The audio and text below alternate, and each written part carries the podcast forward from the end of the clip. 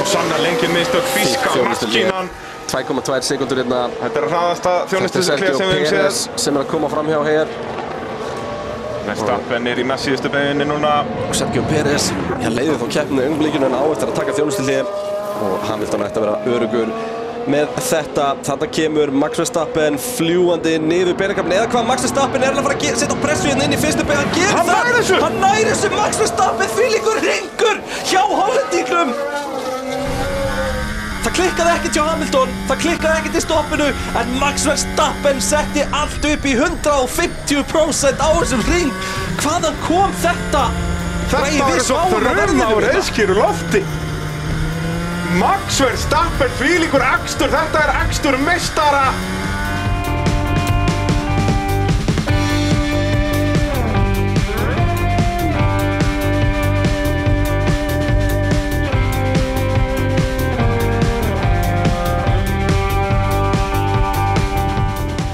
Jú, pitturinn hilsar.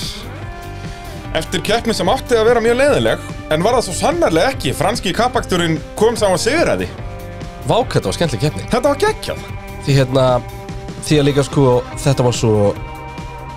Ég ætla að fá að sletta þess, þetta var svo pjúr.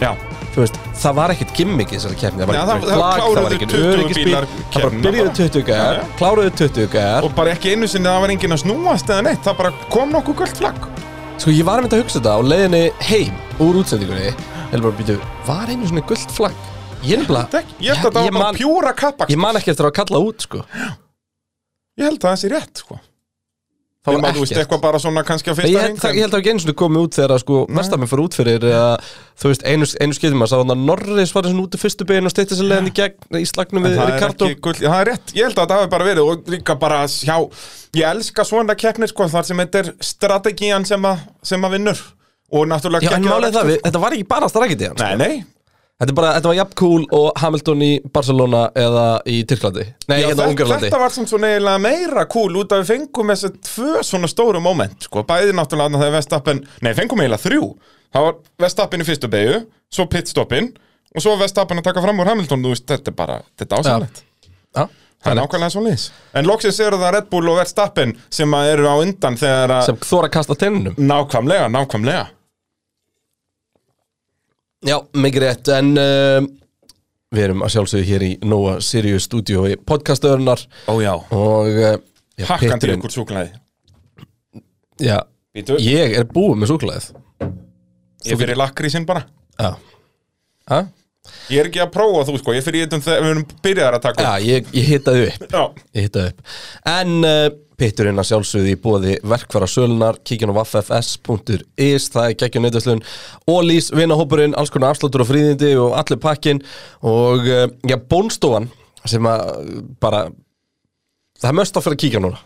Já, það er bara, ekki? jú, Það fyrir er- sömarið, Það er nákvæmlega svo leiðis, skella sér í bónstofuna. Og svo erum við náttúrulega Við bræði báðir á Viaplay og uh, já, Viaplay ætlar að vera með okkur í pittinum líka Heldur í betur. sumar Þannig að, uh, já, ef þú ert ekki að horfa á formúla Viaplay, þá skal bara slaka á pittinu núna Wow. Við skulum halda hestunum okkar hérna. Nei, við að playa þetta ásamlegt sko. Þá getum við líka að fyrir að tala um alls konar svona hvað er skemmtilegt að horfa á Ég þar. hef líka svo gaman að því, sko, að síðan að þú byrjaðir að nota Viaplay Þá Ég- ertu alltaf að segja mig frá einhverju sem ég verð að horfa á Já. Þetta Þú- ég- ertu búin þú að ert tjekka á- komin með veistu hvað heimavinnu, þetta er sko. og- Já, já. já, Algjörlega Við förum yfir þetta hérna á eftir, þetta er bara eintóm hamingja. En já, hér bræði Hvernig Jú. er það? Ert þú búin að skýta í degið? Uh, nei, engin kúkalegt á deginu þetta skipti Ég skellti því á opnin uh, alveg óskittnu og uh, bakaði bara dýrindi skott brauð Bagett Heldur betur gamli hundur, því það er komið að þessu hér One light, two lights, three lights, four lights, five lights, and it's go, go, go! Senna is trying to go through on the inside, and it's happened immediately. This is amazing. Senna goes off at the first corner. and James Hunt is the world champion. And he's going through. Oh my goodness, this is fantastic. And if you no longer go for a gap that exists, you're no longer a racing driver. And look at that! That is Nigel Mansell. Jú, það er komið að söguhotninu góða Þetta er náttúrulega franski Bíddu, bíddu, kappaksturinn bíddu. Kristján er búin að fýra upp í pípunni og halla sér aftur þetta er náttúrulega eins og ég segi, franski kappaksturinn sögufræður kappakstur og Já, þið, þið leittist ekki að koma inn á það í æfingum ó nei, já hvað Það átti er ég annað að alveg, tala um við í vorum æfingum? aðna í þrjá klukkutíma að lýsa æfingum Já. Og já, ég veit allavega, svo sannarlega, hvenar kappakstur hófst í Fraklandi já nei, bara þú hefði getið sett punktur eftir hófst Já, það er enda rétt Það er vegna þess að Motorsport á rætur sínar að rekja til Fraklands en fyrsti kappakstu sögunar fór fram þar í landi árið 1894 er ekki var frá París til Rouen á hestalausum vögnum Ég elska að þú varst alltaf eitthvað Þetta eru hestlausir og vagnar Já, já, þetta er En það ekki sem var þetta samt var svo ekki það sem var- var samt stakka svo- sem bílar sko. Já, það sem var samt svo svalt sko var að það var ennþá sko gaurinn sem stýrði hestvagninum og svo voru þrýr farþegar eða eitthvað að Já, já, líka og í svo, keppninni svo bíla að draga hestavagn Já. eða, semst, já, já, og, Einhver- og Það var eitthvað hraðsjöð kettlið Já, þetta sko, það var heimamaðurinn Count Jules Albert D. Dion sem sigraði á sínum gufuknúna vagni en það tók hann rétt rúmar 7 klukkustundir að aka 126 kilometrana í kefni Það er, það er meðalræðir að svona það er undir 20 held ég Ég er ekki svo sigur í, í Sjö klukkustundra að aka hundrað 26 kilometra Uh, ég, skal bara, bara, ég ætla bara að vera með það hérna akkurat en það er klálega undir uh, það er klálega undir Ég held- 20. Ég held að það sé eitthvað svona 16 Það er 18. Það er 18, já. 18 km meðarhraði bara ping bara búm það var aðeins meiri meðarhraði á um Pólri Kartamengina Örlítið rosa fljót keppnin Enda eins og ég segi, það gerist ekki neitt Jú, Já, þú, það var enginn að- að vesennast Já. Þessi fyrstu ár akstursýðurotta voru vægast sagt hættuleg, eitthvað sem að var bersinlegt í hennu mögnuðu París Madrid keppni árið 1903. Þar voru ek- eknir tæpir 1400 kilometrar aðalega á malarvegum. Bílarnir höfðu þróast mikið síðustu nýja ár en voru þó enna mestu gerður úr timbri og þeir kraftmestu voru um það byrj 20 hestöfl. Þó var hraðinn gríðalegur að náðu þessir bílar tæplega 150 km hraða á lengstu beinu köflunum. Pældi því? Þeir eru, þú veist, þeir eru á það hlýtur að, reyðhjóla það hlýtur að hafa verið niður brekku sko. Já, alveg 100% en þú veist, og síðan ertu bara sitjandi ofan á okkur grind, þú ert ekkert inn í bílnum með þannig og á 150 löðrandi léttur á hún er ekki borðinni. með hans ekki með hans held ég Nei. sko nema bara ef að servicekalliðin sem Hét var með þér hans. hét hans, Já. þá varstu með hans hvernig fannst þér þessi? þetta mér finnst það bara aðeinslegt Já, takk. Uh, Megnið af vegunum voru opnir almennri umferð og stóðu áhverjendur alveg í vegkondunum og oft mátti sjá börn að leika á miðjum vegi. 300 bílar tóku þátt í keppninni en sem, já, keppnin var algjör martröð frá byrjun til enda. 300 bílar? Já, já. og sko við erum að tala um að þetta er þá, sko, 300 bílasmið líka því að þetta er ekkit, þetta, þú kaupir ekkit bíl þarna sko. þú erur að Já, smíða já, hún verður að smíða hann, en það voru, þú veist, þarna var Runo mættir til leiks Já, með, með Renault. nokkra bíla, held ég, Þeir en voru- Alpín þeir voru ekki mættir. sko. Það, kannski var það einhver frændi eða var eitthvað, ekki Runo, komin- þetta eru náttúrulega sko þrýr bræður sem að stofniðu Runo, sko, og þarna voru þeir allir að keppa, sko, löðrandi léttir. Eh, En keppnin var algjör martröð frá byrjun til enda, þó að endanum hafi reyndar aldrei verið náð. Keppninu var slaufað löngu áður en að fyrstu bílar komið á spænsku landamærunum eftir að 15 ökuminn slösuðust alvarlega og 8 létust. Þar á meðal Merkel Renault, Marcel eh, Marcel Renault, einn af þremur bræðurum sem stopnuðu Renault bílaframleðandan. Hann hann Já, okay. bombaði hún í skurð og endaði á tré var eh, tekin á reyðhjóli í næsta smábæ þar eh, var reynd að gera gert að að sárum hans og dóa hann þarna einhverjum tveimur dögum síðar eftir hann var með risastort sára hausnum og eitthvað þetta er, og, og lækna vísindin ekki upp á marga fiska þarna Fyrsta alþjóðlega Grand Prix keppnin eh, fór einnig fram í Fraklandi árið 1906 en reknar voru, tó- eh, reknir voru 12 ringir á 130 km götubraut í gegnum smábæina Le Ferte Bernard, Saint-Calais og Le Mans. ég hef aldrei komið betur fyrir hérna. þetta Þetta sko, að við séum ekki að mynda þetta er að, að einhverjum ástæðum er teppi hérna inn í Nova Sirius stúdíónu og hvað er Kristján er að búin að gera? Hann er búin að koma sér kósi Sitt fyrir í hérna teppinu. með eina appelsín Ó. undir teppi að hlusta á brallan að hakkiði lakrís með appelsín, þetta bara, þetta getur ekki klikkað Ah. Ég hef bara, ég hef aldrei séð eitthvað, já, krúllegt á æfi minni þetta er geggja Hú, en það er þess að fyrsti Grand Prix keppnin einmitt var þarna Ég skoðaði þetta á korti út að ég held sko út að ég sá bara að hann fór fram á Le Mans að þetta væri þá hva, hvaða svona braut, hvaða tegund af brautinu voru að keira Já. það þannig Nei, nei, þetta er 103 km, þeir keira bara þarna lengst í annan bæ og svo niður aftur og það var ekki neitt partur af brautinu sem er í dag notaður sko. nei, nei, nei Þetta er bara, já, menn voru lögrandi lettir á þessum tíma þarna. Orðið Grand Prix þýðir einfallega Grand Prize sem var, var viðegandi því sigurvegarinn í þessari keppni þarna árið 1906 ungverjin Ferenc Sitz fekk að launum 45.000 franska frakka sem í núverði eru 28 miljónir íslenskra króna. Já Það er ekki amalegt sko, Það Frankin er var svona eins og þarna Lewis eitthvað- Hamilton fær fyrir eina Instagram mynd Já, sennilega bara tæplega. en þetta var nú alveg dý- dýrindis auður þarna á, á þessum tíma. Alls hefur verið keft á 16 mismunandi brautum í franska kappaksturinum, en aðeins ástralski kappaksturinn hefur notast við fleiri brautir. Þetta hafði ég ekki um. hugmyndum. Bro, hey, Það er svo marga götubraut sem eru kæft á Ástralíu Já, þeir byrjuðu þann líka bara 1920 og eitthvað sko. Ég vissi það ekki heldur. Uh Mhm. á fyrstu árunum var einungis keft á gödubrautum og var það ekki fyrir árið 1925 sem að fyrsta sérsmíða kappastusbrautin var tekin í nótkunni í Fraklandi. Autodrome de Linas Montieri brautin var þekktust fyrir tvekja og hálfs kilometr langa óvalbraut sem var notuð að hluta í kappakstunum. Þetta var sem sagt, þetta var svona naskarbraut út í enda en svo var Það var alveg braut... infield eða lengra Nei, mikið lengra, alveg 10 já, ja, já. braut Svo bara. er svo Monsa-brautin í raun og veru gamla Já, nema miklu yktari, sko, götubrautin var alveg geðveikislega löng, en samt sér smíðu kapastusbraut, sko. Og bankingið á þessari óvalbraut var svakalegt, sko, þetta voru bara ábyggli yfir 45 gráður. Í fyrstu keppninu á brautinni lést Antonio Ascari eftir að hafa krassað Alfa Romeo P2 bíl sínum, en sonur hans, Alberto Ascari, átti eftir að vinna tvo Formule 1 titla. Já Rekstur brautarinnar fór á hausin á strísárunum og var hún aldrei notuð í Formule 1. Formule 1 náttúrulega byrjaði þarna 1950. Síðast var sótt um leifi fyrir keppni þar árið 2001 og hefur brautin verið í neðurnýslu síðan. Þó getur einhverjir kannast við brautina úr Gimkana 3 myndbandinu frá Ken Block. Vá hvað ég gerði bara ráð fyrir að það væri bara eitthvað í bandaríkunum Það er Bara nefnilega einhver það er ónýtt gömul naskarbraut Sest, fyrir þá sem muni, þetta er sest fyrsta Gimkana-vídeó sem er á Fordinum.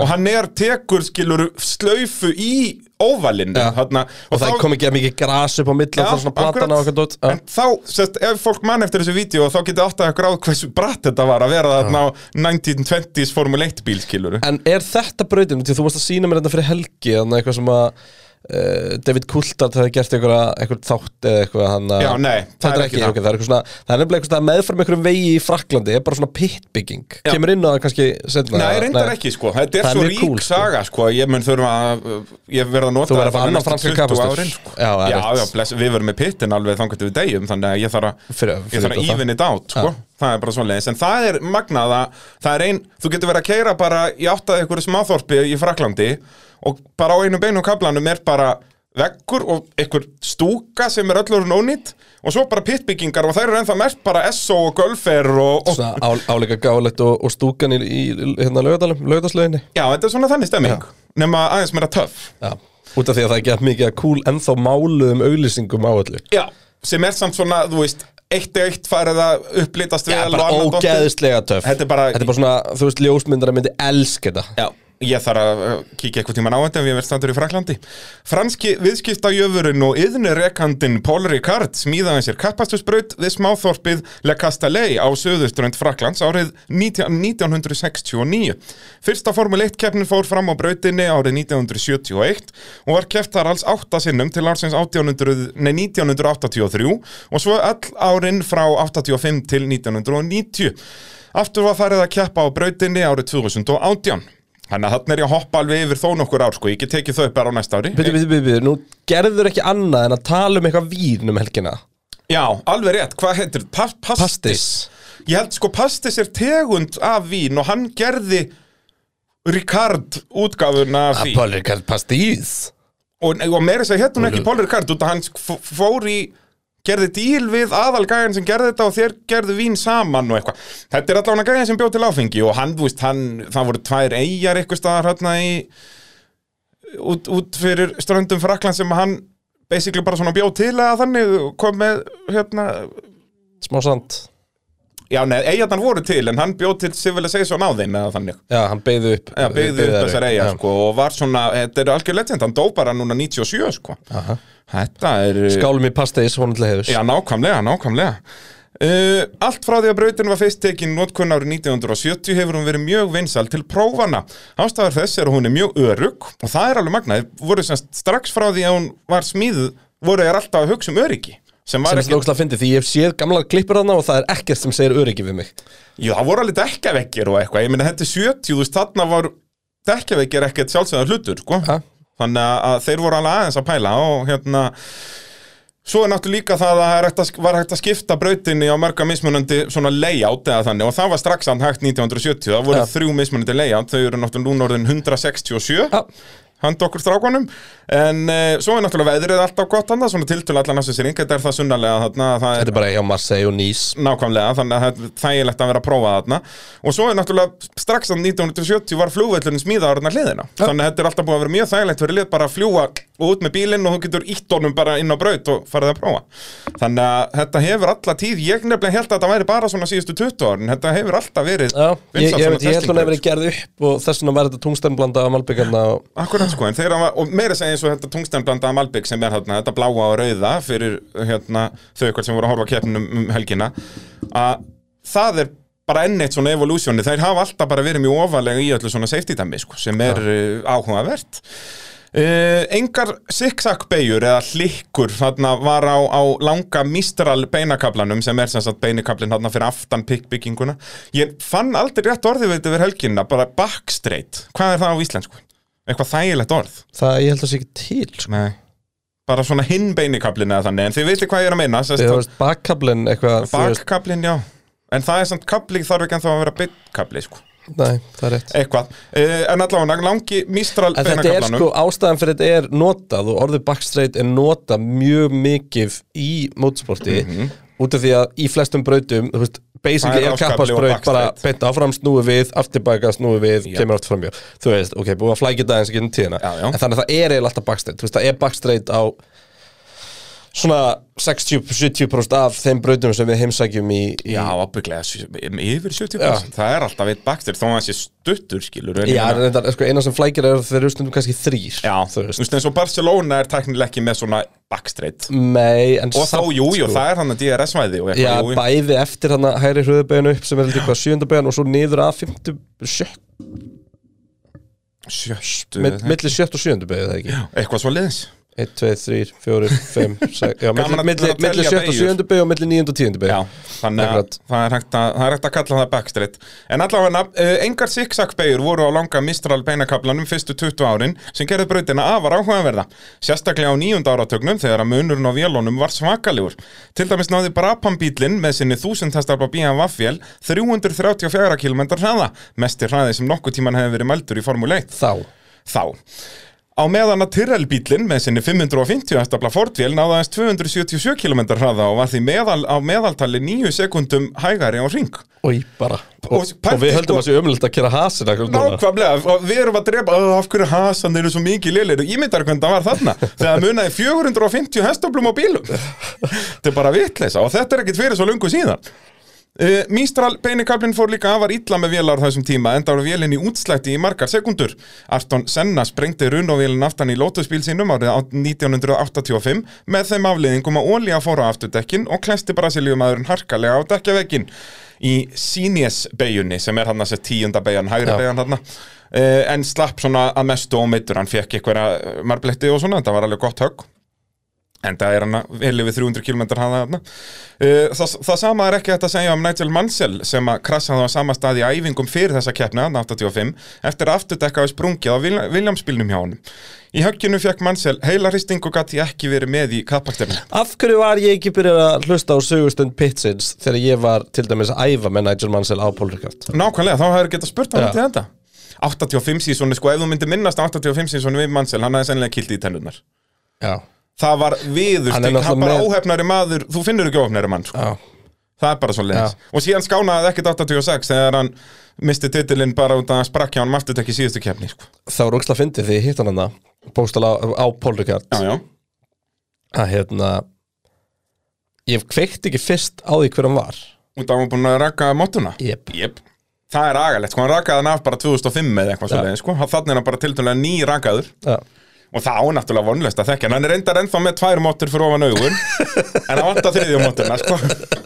Þannig að, að ég skilða vel að það var ekki þetta strákarnar þessu vinnilegir Já, það ekki Já. en mér finnst það svo fyndið, þeir voru ekki að kera, hann var að kera Já, legend Hvað er strákandir þess? Eru þeir ekki bara á aldrei við okkur eða? Jó, þeir voru, þeir, ég kefti ekki á móti þeim, mann ekki að heita, þeir, þeir fóru ekkert langt sko. en uh, uh, annað er að hafi verið í Formule 3 og eitthvað svona Talandi um stráka, ef ég ætla að leiða mér hendi í einu löfléttan út út úr, ég var að sá það bara á, á YouTube um daginn að poppaði upp hérna dauðasleysi hjá honum Sörtís Já, takk fyrir að minna með það, það er ekkert Það var- eitthvað PTSD sem tekist í hjá mér Nei, þetta var, eh, varst þú ekki kepp í þessari keppni eða? Nei, Er við þetta vorum- fyrir þína Nei, tíð? Hann er í Formule 2 hann. Ha, og sérst svoleiðis. gömlu Formule 2 sem er ekki Formule 2 í dag heldur var bara svona eins og Formule svona eila, fór, fór hægar en Formule 3 bíl sko. en hérna við vorum liðsfélagar samt Á, hérna, þetta var á Brandsats eða ekki? þetta var á sérst, uh, Grand Prix brunni Já. sérst, ekki á Indy brunni sem er alltaf notu heldur þetta gerist þarna í á setin hlutunum og þri og ég kefti þarna við fórum í gegnum þetta í mótuvarpinu Já, já ég kefti þarna einhverjum En tveimur bara veikum ein, ein síðar ástæða fyrir að koma með þetta er bara út að ég var að sjá þetta í fyrsta skipti Þetta er náttúrulega bara heilóin hafði björg á hann, maður fær bara dekk í hausinn Notabene, shoutout eitt hérna og til ég og Bræði tókum upp þáttum ferilin minn og það er ógeðslega mikið af nýjum hlustendum og ég fekk til dæmis bara tvö skilab um helgina hvort við vorum ekki til í að segja aðeins meira frá ferilin mínum í Já. formuleitt útsendingu þannig að ef það eru að hlusta og við ekki heyrt það ég og Bræði sem sagt gerðum þessu góðskil þið finnið þáttinans Bræði um Íslands mótsport þar sem er að skrásetta mótsport söguna undir mótorvarpið bara þar sem þið hlusta á podcast Já. og uh, þar getið þið fundið sem sagt tvo þætti um minn feril þannig að Alveg bara, hvað voru þetta? Þetta er okkur fjóru klukkutímar allt í allt eða fimm? Við, við blöðrum svolítið Já, við höfðum ekkert að blara uh, Aljóti Angelis létt lífið í alvarlegu slisi þegar að Brabham voru að prófa BT55 bílin á brautinni aftur á einhverjum gafsjá á ráskablanum með þeim afleðingum að Angelis misti stjórnina rétt fyrir fyrstu beigju Þó að það hafi ekki verið brautin að kenna að Ítalinn lest ákvaðu keppnisaldar að gera drastískar breytingar á uppsetningu brautarinnar árin og eftir til að gera hana enn örugari. Í stað þess að fara til vinstri eftir ráskablan eins og við þekkjum núna fóru ökuminn til hægri og svo aftur til hægri og beintinn á mistralkablan. Fyrir vikið styttist brautin um 2 km. Þá í rauninni sleftu er alveg bara fyrstu sjö Bara fyrstu beyjunum. sektátum. Já, bara tóku hægri uppeyju í kringum pitbygginguna og aftan á, og sem sagt inn á be- langa beinakablan. Þannig var keft á hérna það, var henni á- ekki, það var ekki braut sem var líkleg til árangus í dag Nei Það er, það er svolítið svoleiðis og hún var líka þarna bara réttur með þrýr kilometrar þá sko. og náttúrulega mjög hröður líka akstustími ég held að Mansell hafi átt hraðasta tíma þarna bara 1.01 eða eitthvað svoleiðis bara alveg fáralega stutt og hérna en, en þarna ég mitt aftur kemur á öryggi eins og þú veist brautar keppnisaldarar þetta var ekkit brautin að kenna þetta í andilist óhattni í einhverju testingslýsi en samt bara fóru þeir að breyta þessu öllu og þannig var kefta á henni 86 til 90 sko. Þó að það, e, nei, ég er búinn með þetta árið 2018 var aftur fyrir að keppa á brautinni en þá hafði ekki verið haldin franskur kappakstur í nýju ár en aðeins einu sinni frá því að Formule 1 byrjaði hafði ekki verið haldin franskur kappakstur Það var árið 1955 eftir hræðilega Le Manslýsið sem var þar bara mánuð á undan að franski kappaksturinn átti Já, að fara þeir fram. áttu bara líka að banna kapastur í framhaldi Það Já, en það var þetta, ég held, voru þetta ekki hátt í 80 árundur sem dóa þarna? var ógeðslegt þegar að einn Mercedesin fer og þetta er náttúrulega ástæðan fyrir að Mercedes hættu í motorsportið þeir komið aftur bara 2010 að hérna þegar að, já, einn Mercedesin fer upp í stúku 2010, hætti Formule 1 já, já, og eiginlega, þú veist, þeir, vo- eins og þeir voru í Le Mans og því þá voru þeir samt sáberi það Já, ekki já Það var aldrei official Ekki workslið. workslið. Þeir voru náttúrulega síðan byrjuðir með vélar fyrir McLaren og svoleiðis en kom ekkert officiali fyrir 2010 uh, Frakkin Alan Prost hefur unnið sína heimakeppni sex sinnum á þremur mismunandi brautum en það er Michael Schumacher sem á meti fyrir flesta sigra í Fraklandi með átta talsinn átta talsins sem er met fyrir flesta sigra í einu landi met sem að Lewis Hamilton getur slegið vinnaðan í Ungverjalandi um Vestlumanahelgina Já Hann, Hamilton er með átta sigra í Ungverjalandi Hvað er með margi í Östuríki? Því hann alltaf, nei, hann alltaf, hef hann hefði unnið báðar í fyrra og- Já, en það var náttúrulega bara einn austuríkur kapastur í fyrra Hinn var myndi það stýríski telja þannig, já? Já, þetta Ok. er sérst official French Grand Prix Þú veist eins og Schumacher vann held ég einhverjar Svona keppnir- Evrópukappakstur Já, og Evrópukapastur í en þá er það evróski, þú veist, þetta er talið þannig sko. ok. uh, Og þar með er lestur lokið Hefur þá henda okkur í keppnina? ég, Hvernig væri það, sko, ég er hérna með strax bara nokkra spurningar bara svona áður en við förum að telja upp liðin Ok uh, Ívar Örn spyr uh, Hvenær hóp ferð út hjá pittunum og á hvaða keppna ætlum við að fara á? Sko, Þetta er rándýr hugmynd, sko hóp, hvenar er hópferð út? Ég elska líka að það er ekkert eitthvað, þú veist, það er Ekki bara hvort. hvenar og Já, hvaða Já, já Hérna, Mynd, ef við myndum planeta, þú veist, við myndum þá planeta í fyrsta lagi 2022 Við myndum þurfa að gefa hlustendum alveg, alveg góðan hérna. ég, þú veist, ég verður örugglega að vinna þessa helgi, já Já, það er, ég þarf líka að skila spólu þarna manni Þess að helgi þarna Já, við 2022 þurfum þá að fá Lísa á brautinni Já, já, Jú, það er ekki ekki það verður veistla að vera þarna Við getum bara skvatast í viðtöl og þetta verður bara eintóma mingja Sko, En hvaða braut myndum við velja fyrir hópferð pitsins á Formule 1? Myndum fá bara heila flugvel Þeir eru bara, við verum með 150 pits bara fara Paul Ricardo og lenda bara á brautinni og bara íta þeim út á braut og svo bara fara Allir ekki með eitthvað pistas eða hvað þetta hétt þarna áfengið þarna Þetta getur ekki klikka um, sko ef maður bara fara að gera ferður þessu það er náttúrulega Silveston ógstlega áhugaverð því að liðin eru öll þar Já, veist, maður það getur er- farið að kíkja á vestmiðurnar það getur farið heimsótt til Mercedes eða Red Bull eða eitthvað um, veit ekki með veit ekki með sko En bara, þú veist ég held að Ungverland getur verið gott sjátt sko Já, en bara, þetta er rugglið Bara að fara í Asíu eitthvað nei, Ekki? nei ekki svona hópferð eitthvað sko Singapore hópferðin verður alltaf að vera væri veist. einföld sko þú Já, veist, við erum að tala um bara ég held að skipti bara engum máli þetta er bara einhvers þar sem er beint flug já, ef ég Já. mætti bara velja einhverju braut sko. Já. allan daginn Brasilia sko. Já, en æ, samt ekki út að mér langar ekki að Þú veist, mér langar að sjá keppnina þar Mér langar ekki að gera neitt annað en að sjá keppnina þar ég byrja þetta lókar alltaf góð til Brasilia en, en það er rétt, þetta er, þetta En ekki, þetta best- er ekki, besta þetta er svæðið. ekki besti svaðið Kanada. Kanada, ú, gott sjánt En Ég veit ekki hversu gott er að horfa þar sko Nei, ég En er mjög þú veist, langar í það er Singapur náttúrulega- bara út á það er sjóinu þar náttúrulega líka sko- sko. Þar er tónleikar í gangi og allir En lögrandi Ah, Það er léttir á all- allstaðar Já, en ekki á þessu sama, það er Abu Dhabi og Singapur sem eru svona next En level sko, í því, sko að horfa á formulu keppni á staðnum er náttúrulega alltaf ákveðin sko Það er ekki, Það það, er það skiptir allt lengur annað. máli hversu mikið að braut nú sérð sko Nei, þess vegna bara Monaco væri bara gott sjátt Út að þú veist, Ja. það gerir hvað sem er ekki um mikið Það er um að gera að vera bara á staðnum Já, þú veist, það er bara að finna lyktina og stemminguna Já, og, við erum hérna- bara í, við swimmingpoolið í, í tímatökum, þá ertu lögrandi létt Já.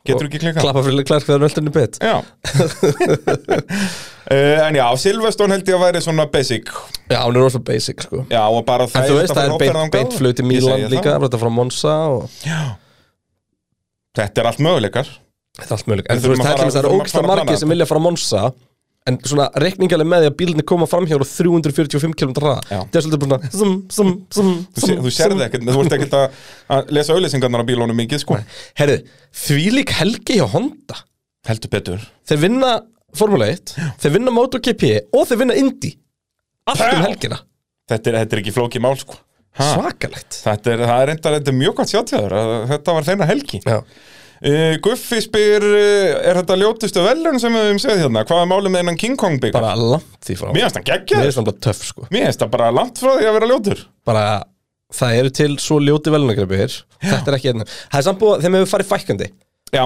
ég fíla þú veist þegar brautin er útskorin Já, það er ógeðslega klassík, kúl, sko. já, og hérna sérstaklega ef það er classic braut já, En þú veist, mér, eina sem ég finnst vanta núna er að Núna er allir vilja vera með svo spes velunagripi að það er eiginlega engin með klassískan velunagripp Ég held, er ekki Silveston Silverstone er alltaf með- Þeir eru sko, bara með bara bara fyrir- klassíska gullbyggar bara fyrir sig eða? Já, já Nei, er það ekki diskur hjá þeim Jú, sem er þá svona stýri eða þannig Ná, jú, eitthvað, en risa stór satt, sko. Já, svona diskur sem er Það samt var svona það einn greifa bikar. stýri Ég man það ekki það er einhver staða diskur, einhver staða byggar en það er farand byggar sko.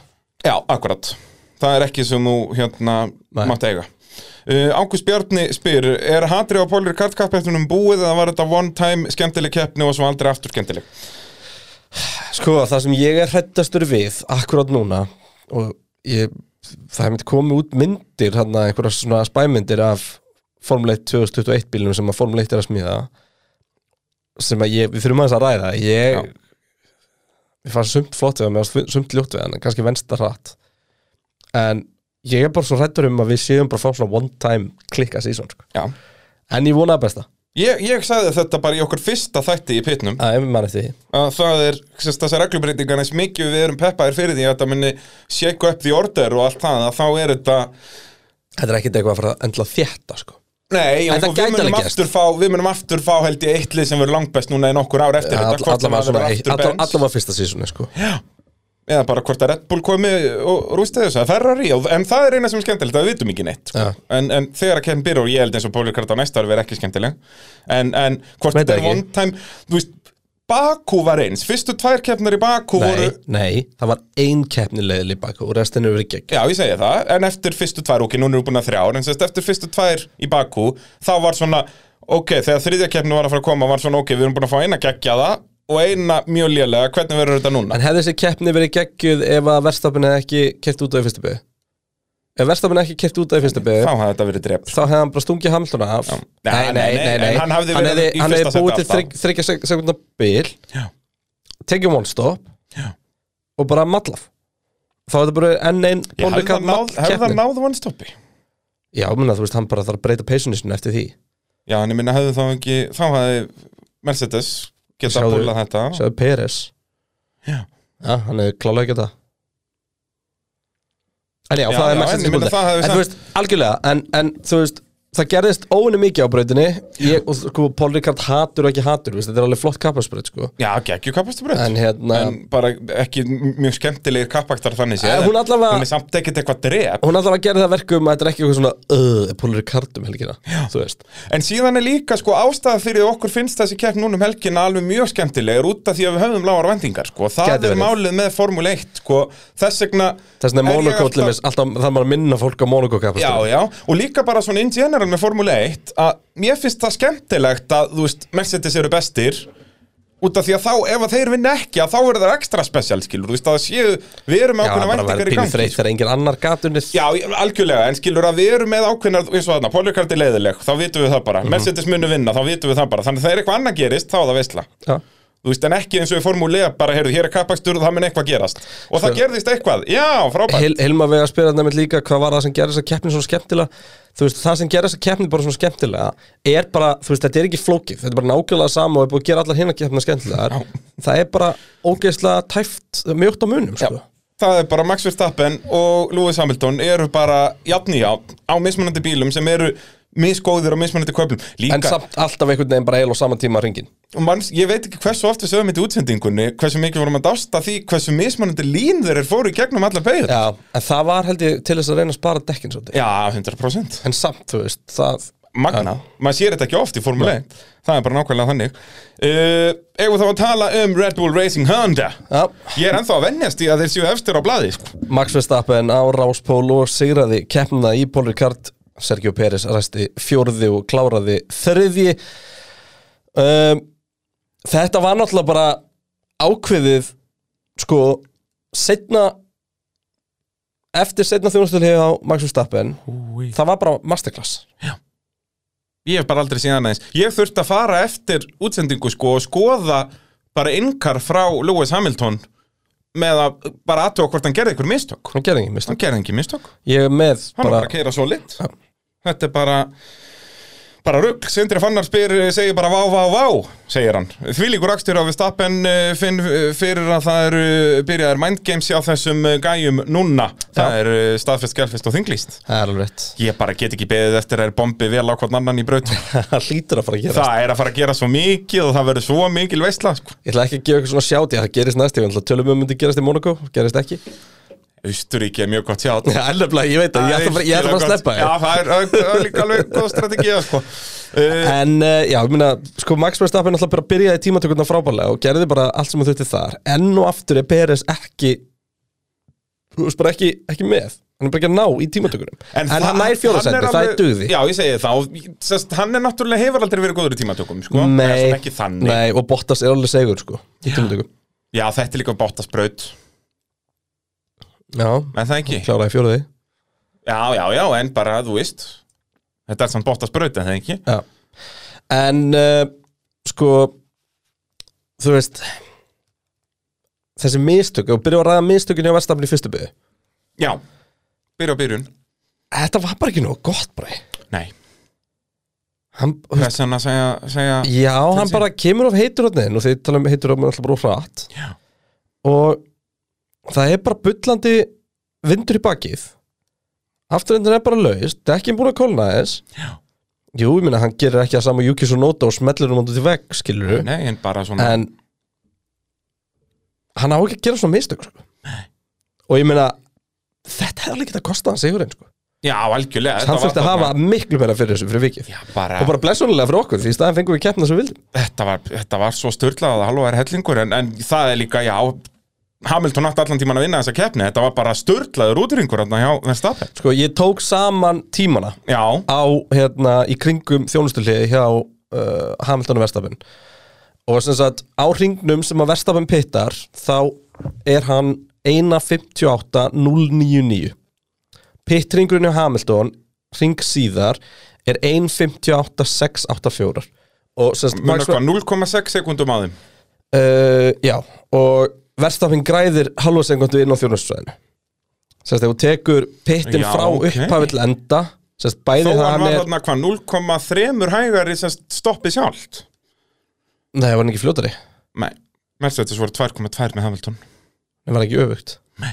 Ok, já, hann er fljótari í gegnum þjónustusvæðinu Þannig Það að hann er er þá að bara magnað. bremsa bara Já. betur eða fljótari út eða eitthvað og gefur, já, betur út og fljót, spólar og fljótur á boksinu og eitthvað svona dót sko. Akkurat, þannig að hann, hann allavega er að taka halva sekundu á þjónusvæðinu af Hamilton útringurinn hjá Lewis Hamilton var 1.48.873 Já. útringurinn hjá Max Verstappen var 1.39.9 ein, ha, 48 og nei 39 41.8 41 átta, já, og 39.9 já, þannig að hann er að taka hann er að taka tvær sekundur á honum já þar, halva sekundu í pittinum og ég er enda glemt að taka innringina hjá þeim Já, en mér finnst eitt magnað þegar ég fór að horfa á yngarið frá Hamilton hvort hann hafa gert einhver mistök hann spyr þegar hann er komin í tíundu beigju er ég að koma inn, á ég að nota þessi dekk alveg eins og ég get Þannig að Já. kannski fyrirpart ringsins var hann ennþá bara að spara dekki Já, ég sko sem er klaufalegt hjá Mercedes Ég líka skil ekki fyrir að hverju- vita það strax eru við erum strax að fara inn bara rústa þessum dekkjum Já, ég held bara að sko ég held bara að í raun og veru hafi alltaf planið hjá, hjá uh, þú veist, Mercedes bara litu á þetta er eins og sko tjá, þetta hefði ekki gerst ef að Bottas kemur inn og þeir bara tekið Hamilton inn í benni framaldi það hafðu þeir undirkötta Max, skilu, eða þú veist ekki undirkötta því voru fyrir framaldi, þeir bara farið inn og undan Já. og þetta hefði ekki verið eitthvað sem og Max hefði örgulega hangið þá lengur úti og þá hefði Max örgulega farið úr einstoppið Já, ég segi það, þá hafði Max sennilega líka alveg unnið þetta er erfið Ég er ekki viss, sko Nei, en, þú ég veist, meina, þetta er bara það opna þann möguleika leikandi, miða við hvað þetta var Já. Það er líka parturinn af þessu, það er semst nýkomi nýtt malbygg á brautina Þess vegna var þetta ekkert basic einstopp eins og þetta var síðast Já. Er það ekki stærsta ástæðan? Hvað segir, nýja malbyggir? Já, Jú, það er þetta ekki þrýstingur já, Það Og getur þetta líka bara spilað við inn í og svo elskum bara þetta líka. aðstæðnar á brautinni, þú veist, það er bara margt það er hérna Kolbeinn spyrðu líka að þessu hérna með hvert fóru þess að 3,2 sekundur og það er það sem við vorum að Búin að útskýra svara hér Já, að hérna En þannig, nei, hann gerir engin mistök Hamiltoninu þá líka, þetta er Verstappen bara var bara verstappen í ruglin Bara, eins og við segjum, í lók tímabilsins munum við vera að ræða hennar hring Bara stórkostlegur Það er svo leis Og bara hraðin svo mikill frá aðtilu Já. Og sko samt, bara talandi um Red Bull, þú veist Þá er búið að stífa afturvængin á Red Bull bílum þessa helgina Það er rétt Þeir voru búin að svara flexífing dæminu Já. Að- Til að passa að þeir væri ekki að svindla Og Það var mjög fyndið, ég sá einhverja klippu viðtalega sem að bæði semst Kristján Horner og, og Tóto Wolf voru eftir kefna og hérna og Sergio Pérez var hérna Nei, ekki Sergio Pérez, hérna Nico Rosberg var hérna og Nico Rosberg segir hérna við Horner bara, ég meina þeir eru nú búin að stífa afturvænginu og eitthvað álíka en maður sá ennþá að framvængun á Mercedes er að sveigjast og Tóto bara hvað borgaði ég þér ekki nóg á sínum tíma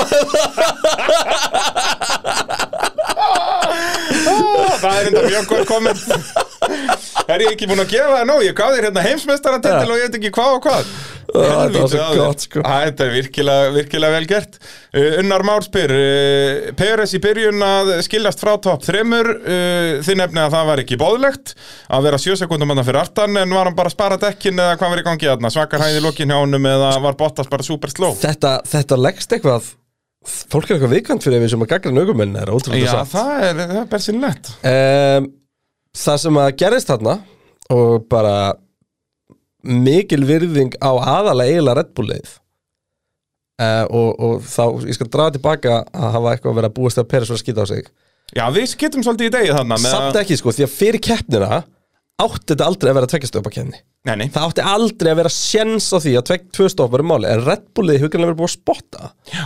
þannig að þeir setja, en ég ger ráð fyrir þeir setja Peres á einstopps áallun þar sem hann er bara með eitthvað delta sem hann á að fylgja og hann er að gera það Já, og síðan fer hann inn bara á það 2005 ringi eða hvernig sem það var þarna sko. sem var ekkit mikið setna en hinn er samt sko Nei, þeir voru flest allir hann á 18. og 19. Já, þetta er einhver fimmringi, já Já, og svona með náttúrulega hellingur í þessu Já, En þannig að bara fair play hjá Peres og hann Algjörlega. gerði brókslega vel um, Mér fannst það reyndar sko Bottas ekki verjast hvorki Peres nýja, nýja hérna, Verstappen. verðstappen vel og meðan hann bara auðalegur í wheel to wheel sérstaklega hjá Verstappen Já þegar hann fer hann að djúft Já líka, hann- þú veist, jobbið hans þar var að hæja á verðstappen sko. Já. að ein, fæta tvær við hann sekundur þar sem að hann hefði tapað allt hjálpað Mercedes þess helgina Algjörlega, algjörlega Þannig að- að, já, pínu svona auðlegt hjá honum uh, Örn Smárásson uh, sama, uh, sérst líka spyrjum Peres að uh, byð- uh, er vona því að Peres hatrið hætti Já, við slum alveg slaka á í Peres hatrinu Já, erum við, erum við búin að hata Peres mikið? Nei, nei, hann bara var ekki að standa sig framan af Já, og já. maður bjóst bara við óksla miklu á honum Þetta er eins með Rikki Ardó, maður býst við miklu á honum og þá verður maður ennþá pyrraðar ef hann er ekki að standa sig vel Já, nema bara munurinn sá, Rikki Ardór er óksla fyndin í viðtölum og skemmtilegur þannig að maður Já. svona gleymi því aðeins ræðar Maður fyrir ekki hérna- honum meira.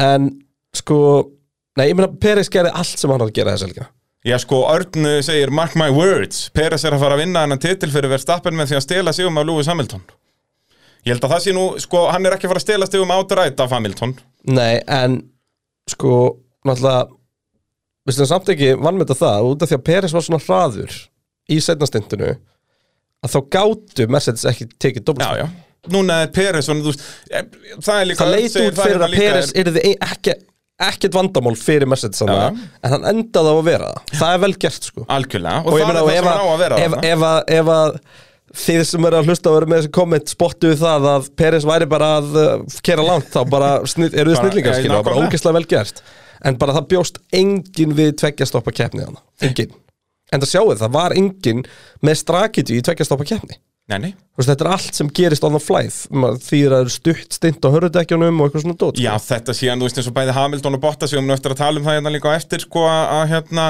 þeir hafi komið í reyti og sett, þú veist, við tölum um þetta í morgun, þetta gæti verið tveggjastoppa bla, bla, bla. þú veist, ég held að þetta hafi ekki verið ég held að þeir tveir hafi ekki valsað inn á keppnisfundinu morgun og segja, heyrðu, ég vil tveggjastoppa það er bara staðfest Nei, nei, það hefur verið svona, þetta gæti nú verið tveggja Já, stoppa keppni það er 100% þannig að Mér fannst svona- þetta vera að slitna svolítið mikið Já, þetta er 100% þannig að, heyrðu, þú veist það verður, þetta gæti orðið tveggjastoppa keppni sko. Já, og svo bara eftir bætir á er við alltaf mjög- Formule 1 adrenalinni Já, eftir á var alltaf mjög öðvöld að segja Ó, ég hafði þetta- þetta hlusta á mig í morgun En þú veist við Það skulum var alveg- engin merkjum það í byrjun keppni það, eins og ég segi, það held allir að þetta væri einstopp Já, já, og ég held að það ættu allir bara að spóla aðeins tilbaka og hlusta á okkur tala um Peres undir lok síðasta tímbils og Já, það nákvæmlega. er alltaf að fara að halda því fram að segja Peres hatur í gangi sko. Já, við, það er okkar jobb að vera með Já, vera við þurfum að gagnrýnir gagnrýna, sko. menn, Ég nákvæmlega En allavega, þú veist, Sergio Peres ég, ég skal alveg köpa þetta, akkurat núna þá er hann betra vengmaður en Bottas Er það ekki? Jó, núna. Ég held það. En þú veist Ég hef samt einhvern veginn ennþá meiri trú á Bottas En ég veit ekki af hverju Ég veit ekki hvaðan það kemur Ég er bara- ég er búin að sjá hann standa ofta á efstafþreipinu velnapalli Og tala nú ekki um með ráspóla Já. En Ég er eiginlega samanlæður með að ég eitthvað negin maður myndi veðja Bottas frekar sko. þú veist, Bottas er náttúrulega búin að tapa mikið af svona óþára stegum Já, og er náttúrulega bara óhefnasti maður í Formule 1 í þokkabátt sko Já. og hérna en Peres, já, hann er farin að líta virkilega En vel svo út í erum við að þessum fara að tala um Bottas og ég er að fara að tala um margt lélegt sem hann gerði í þessar Já, kefni Þannig að þú blessaðan- veist, blessaðan vertu. þetta er bara Við slum bara ekki, heldur ekki að gleyma því að munurinn á því sem allir mis Peri stendur frammi fyrir núna á móti síðustu ár er að í fyrra hétt liðsfélagans landstról en nú heitir liðsfélagans Max Verstappen Já.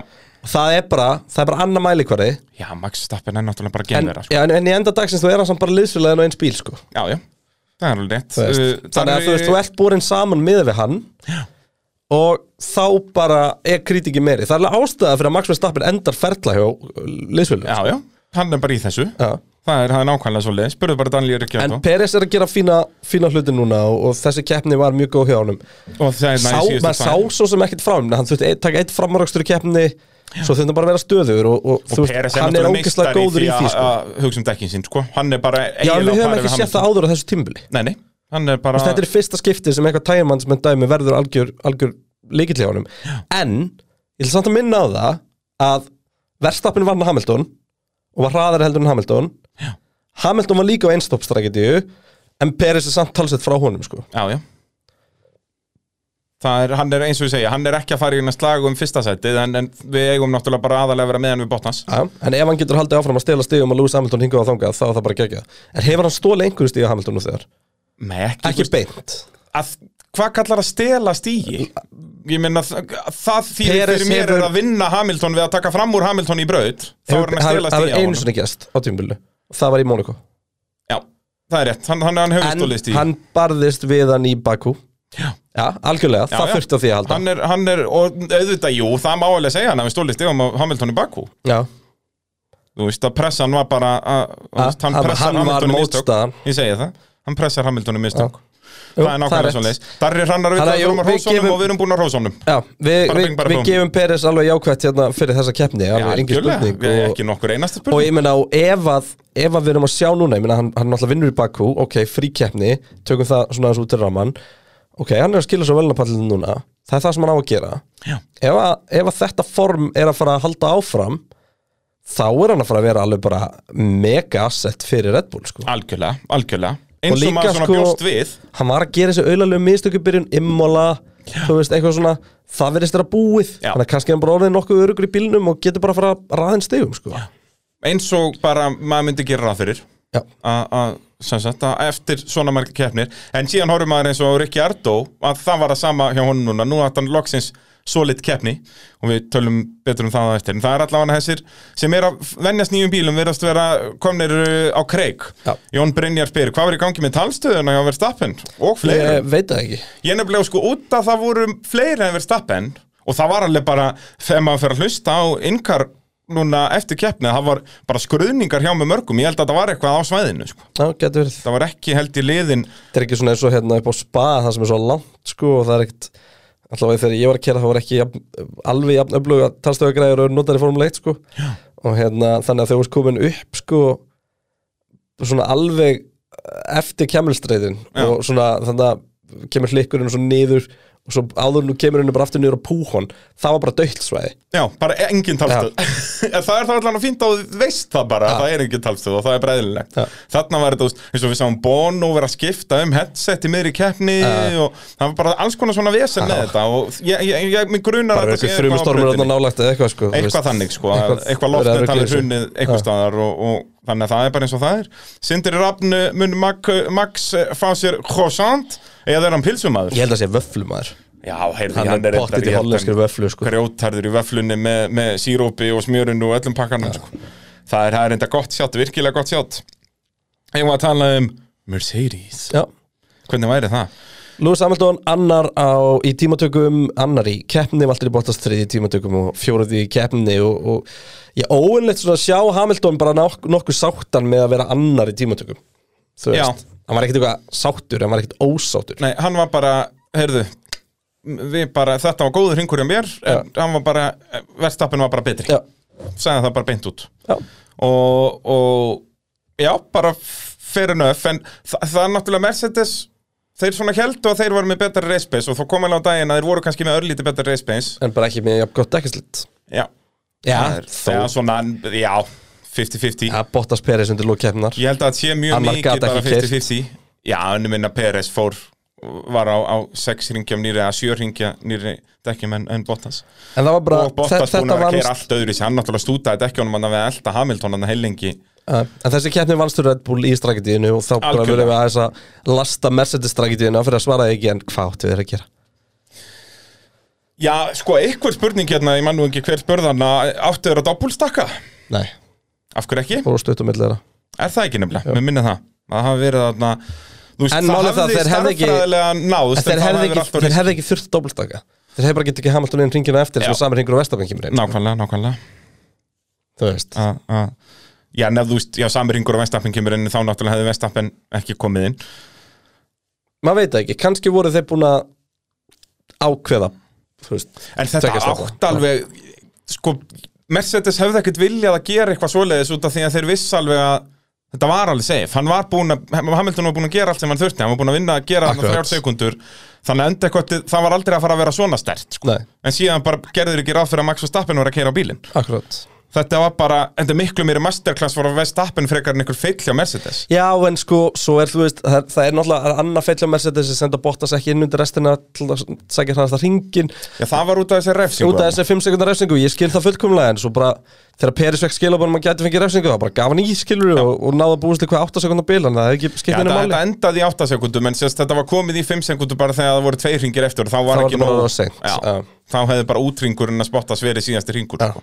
þannig að þú þarft alltaf annað þrjá, fjóra þarft yfirleitt fjóra ringi líka til að Einmitt. hlaða allt rastlið upp og gera og græja sko.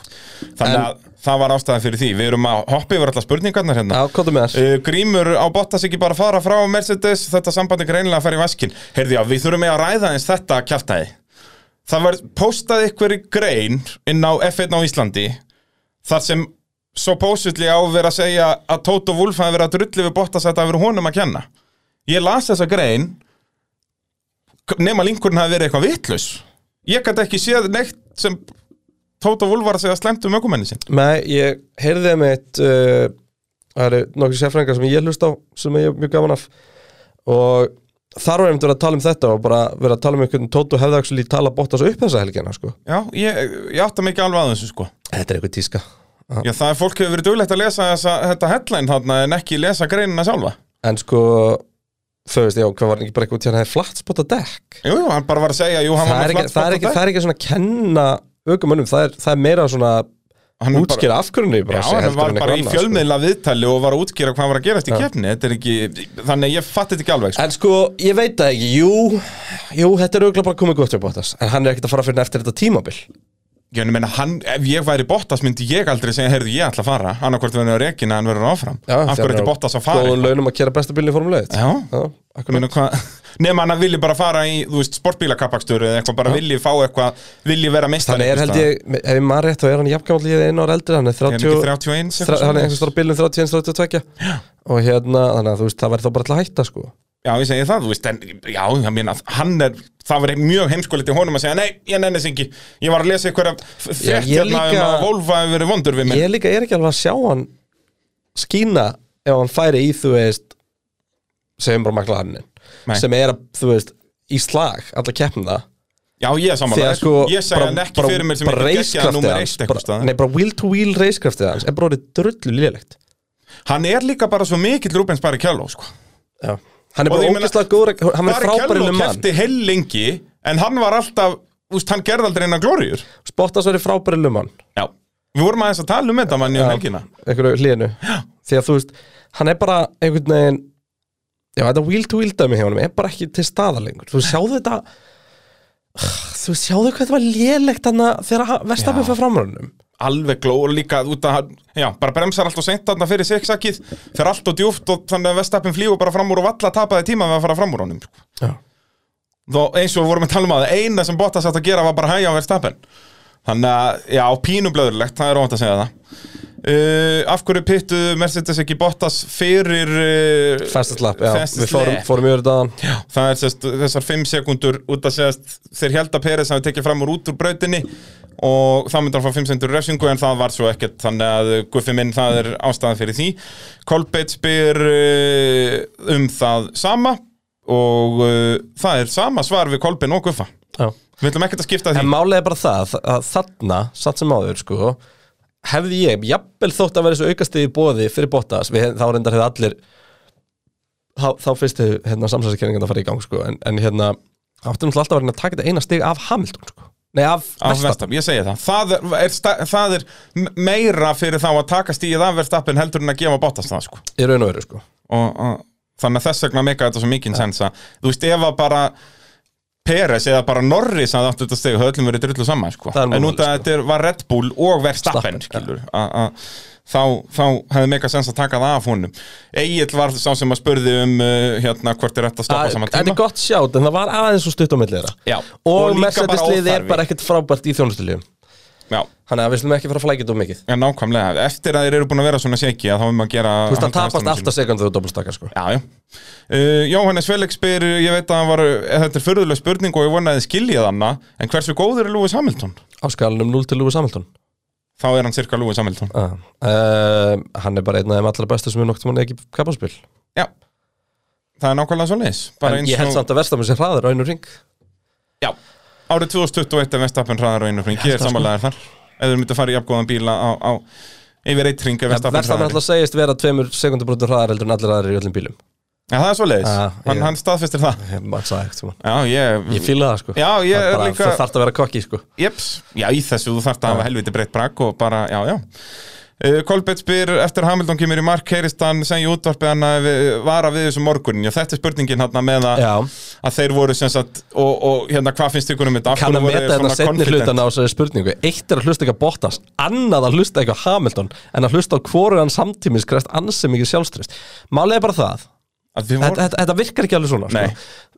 Þeir, hvað haldið þið, bara í alvörinni, hvað haldið þið oft, hvað höfum við oft heyrt Lewis Hamilton segja að strakkið hans er villust? mjög oft Og hvað gerir svo? Hann vann gefnda. Jep, Þú veist, Ungarlandi, þetta er aldrei að fara að ganga. já, já Þú veist, Spáni, Svo ekki hann- viss um þetta gangi. já, já. Þú veist, Monaco þegar hann kláraði handanundum dekkjum og allt þetta Já, þú veist, þannig að við slum alveg slaka á að það hengi eitthvað strakedjúliði hjá Mercedes ekki það fyrir að það er frábært og strak, en strakedjúan er spádómur Já, já, þú veist, hún er, hún er, hún er kalkjuleitaður spádómur og Mercedes liðið hefur ógeðslótt nánir í ett örglega oft náinni vittlust líka við bara vitum það ekki, út í að, þú veist, já. það voru svo langt á undan Það voru svo langt á undan en það breytir því ekki að þú veist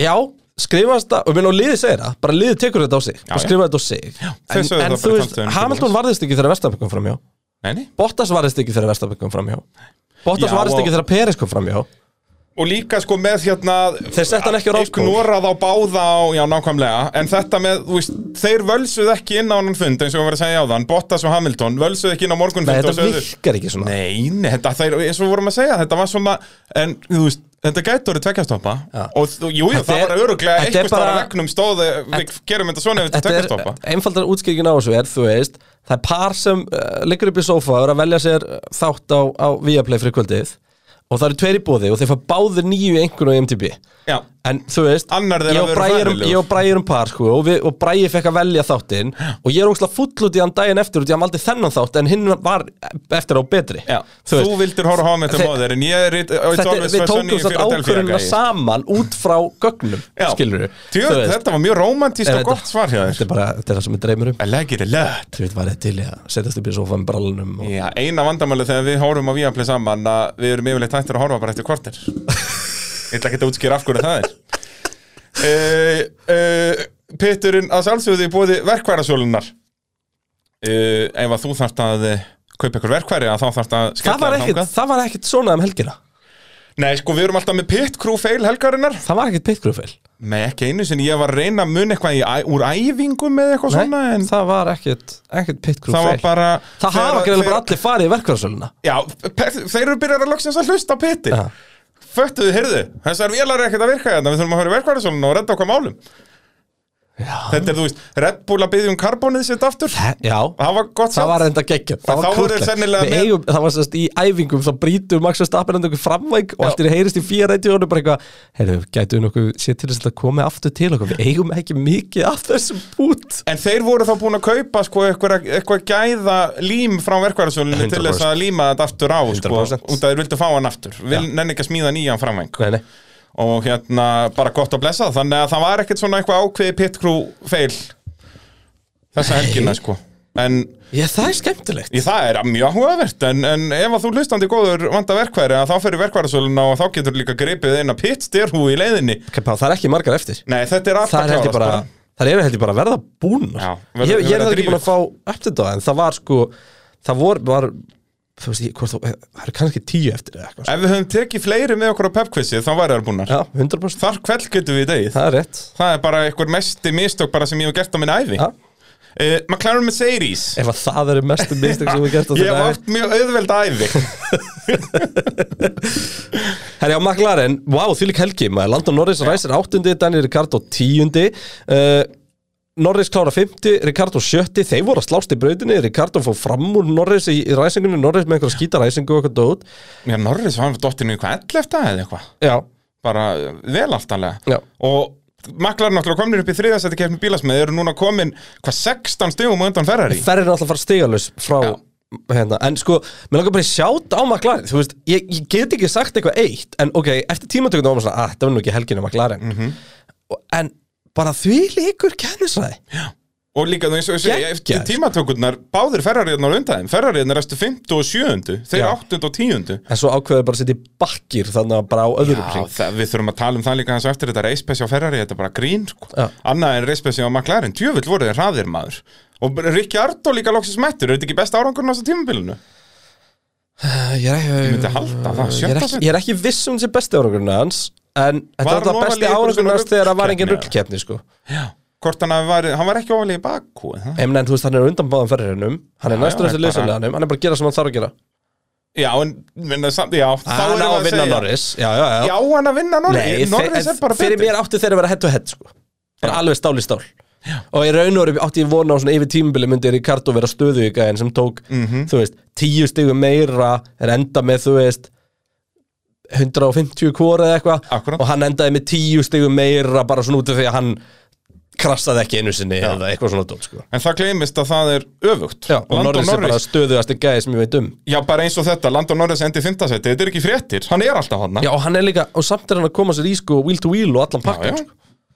Bara, hann er geggjaður ökumæður Já, samanlega Það er bara Hann er alltaf bara eftir hver einustu keppni er hann nærði að vera komin í þetta bara top tier Þú veist, hann er ekki Hamilton uh, Hamilton verðstappen leveli en það Ja. sko En hann er 100% þar í næsta tieri fyrir neðan Þetta er bara frábært hjá hann bara staðfest, skjálfest og þinglist uh, ekki mikið meira að frétta maklarinn er alltaf, Óli segir í þessum æfingum að gera bara ekki neitt Já, og vera svo, og reynda að gera ekki neitt í tímatökunum heldur núna já, bara svona, þeir voru ekki þeir, jú, þeir voru lélegir, þeir voru ekki mjög lélegir þeir komist Nei. vissulega báðir hann í Q3 en, en maður er nú vandur að sjá Norris svona allavega að kvölufa í svona kannski sjötta en hann var áttundin eins og ég segi, þetta var ekkert agalegt hjá Nei, þeim nei.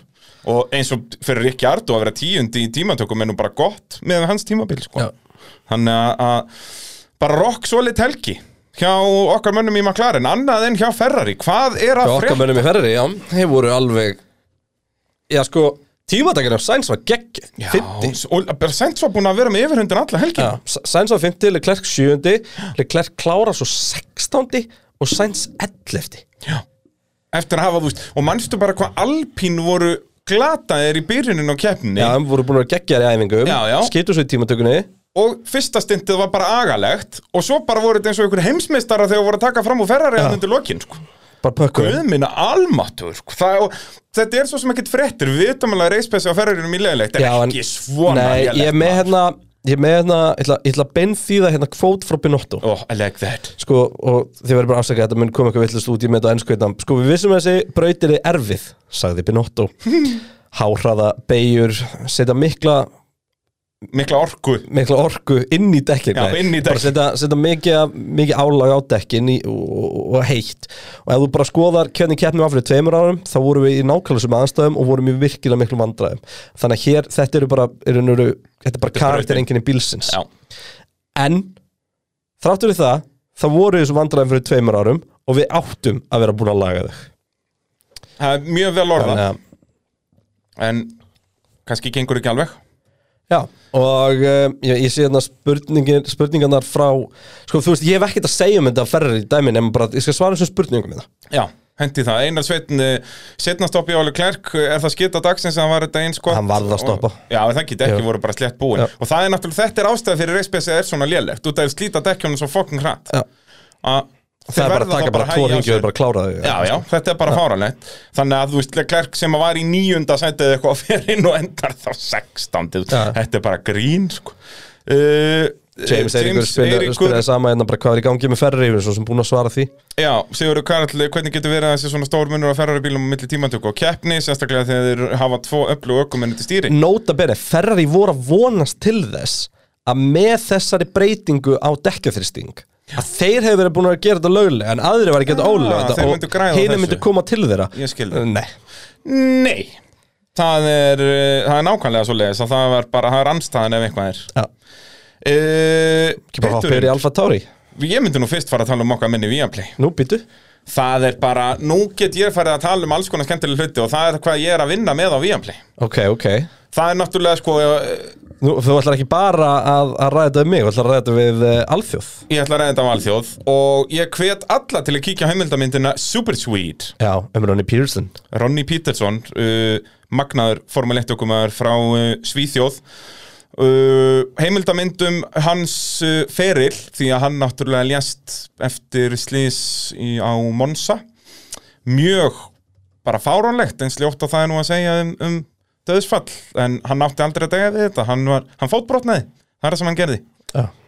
og fær, ég man ekki hvað þetta ég held að þetta heiti aneurysm heldur eitthvað blóð blóðtappi eða eitthvað svoleiðis Já, já, já deyr af því bara á spítala morgun eftir og það var bara geðið mikið sjokk út allir, veist, hann var búinn að veifa þarna, hann er tekinn á sest börunum í burtu sko en náttúrulega lappirnar á honum alveg kengón í dag sko spurning hvort hann hefði nokkuð tíma geta lappað aftur eftir þetta en hérna deyr svo bara eftir einhver aðgerð á spítala hana, og líka þú veist aðstæðunar voru þetta var að hann var ekki kjó- kominn á spítala fyrir næstu 5 klukkutíma eða eitthvað sko þetta var alveg hrikalegt en það er mjög áhugavert hvernig kemur fram í þessar heimildamind með þú veist eitt hlutur sem að ég svona hafði aldrei vita almennilega er að Lotusinn var í alvörunni mun óörugari bíl heldur en allir hinn Colin Chapman sem hannaði Lotusinn hann vissi það bara að hann var að hanna líkistur en fyrir vikið var bílinn skilur álið í honum þú gast bara kýlt í gegn bílinn Ah. en hann fór mikið hraðar og bara ökuminn vissu það en ég menna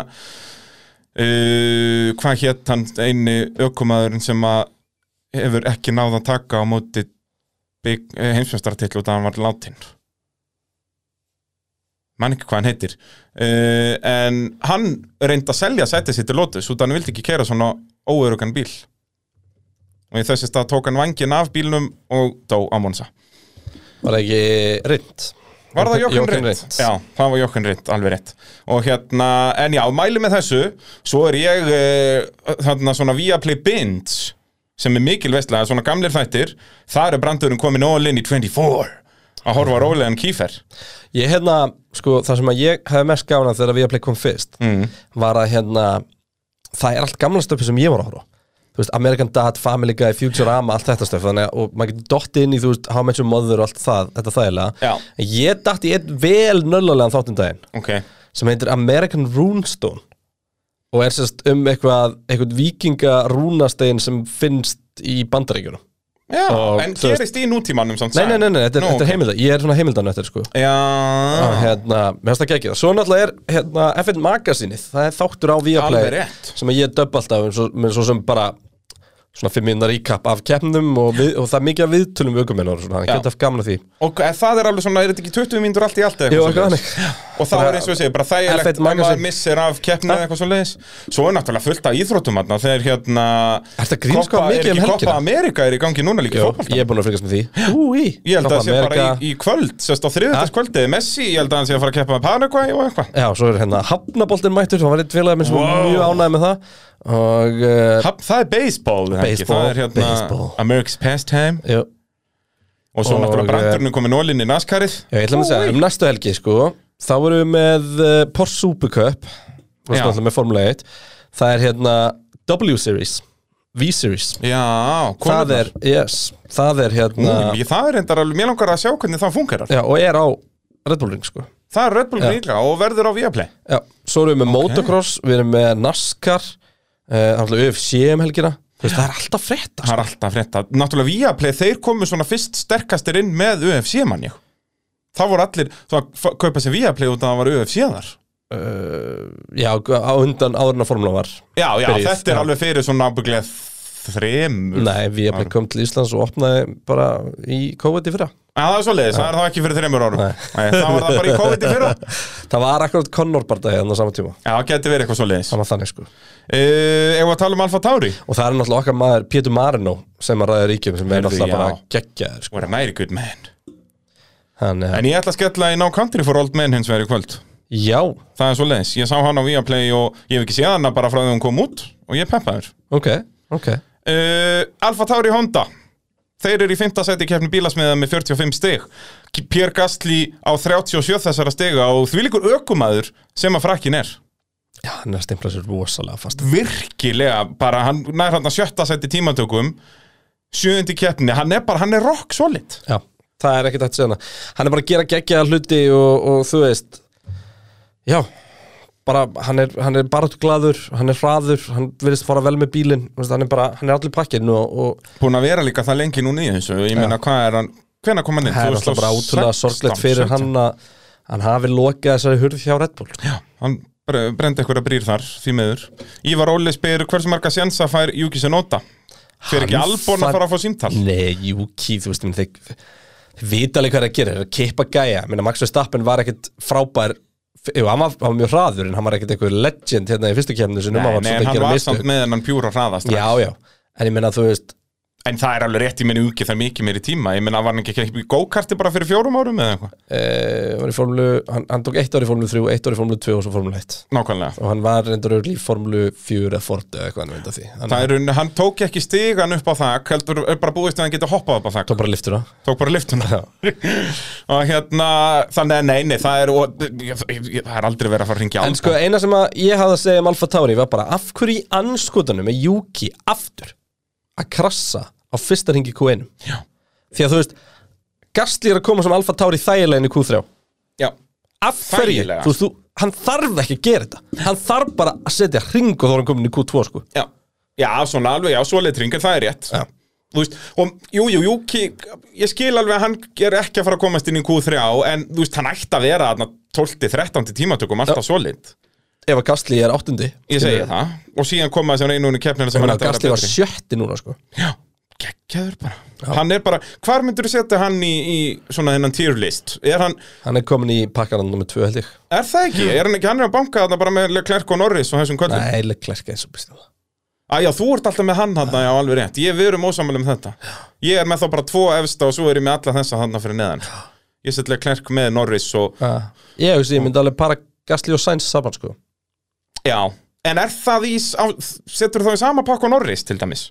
Er Norris ekki komin einu Norris skrif er, ofar að- eiginlega? Norris er nefnilega ekki að Hann er dansand á hann, hann er milli ekki búin að taka heilt skrif Nei, hann, ég En skil hann þig. er fremstur í þessum hóp sko. Ég skil þig, ég skil þig En í- alveg En samanlega bara ef, að- ef að ég var að stofna Formule 1 lið og mér var í búðin Gasly á myndi ég taka hann, já Já, 100 p Það er bara, það er nákvæmlega svo leiðis uh, Já, Júki Aulalugur þarna í tímatökum En endar 13. og, og Alfa Tauri bílinn leit vel út Verða er ekki segir í Austuríki líka bara Jú, Þetta gæti orðið áhugavert sko Þú veist, þeir eru núna í fimmtasæti Þeir eru bara fimmstugum undan Aston Martin En Aston Martin eru komnir, þeir eru mættir já Er það ekki svolítið svoleiðis? Og, og talandi um Aston Martin Nei, samt ekki, menn þau voru níund og tíundu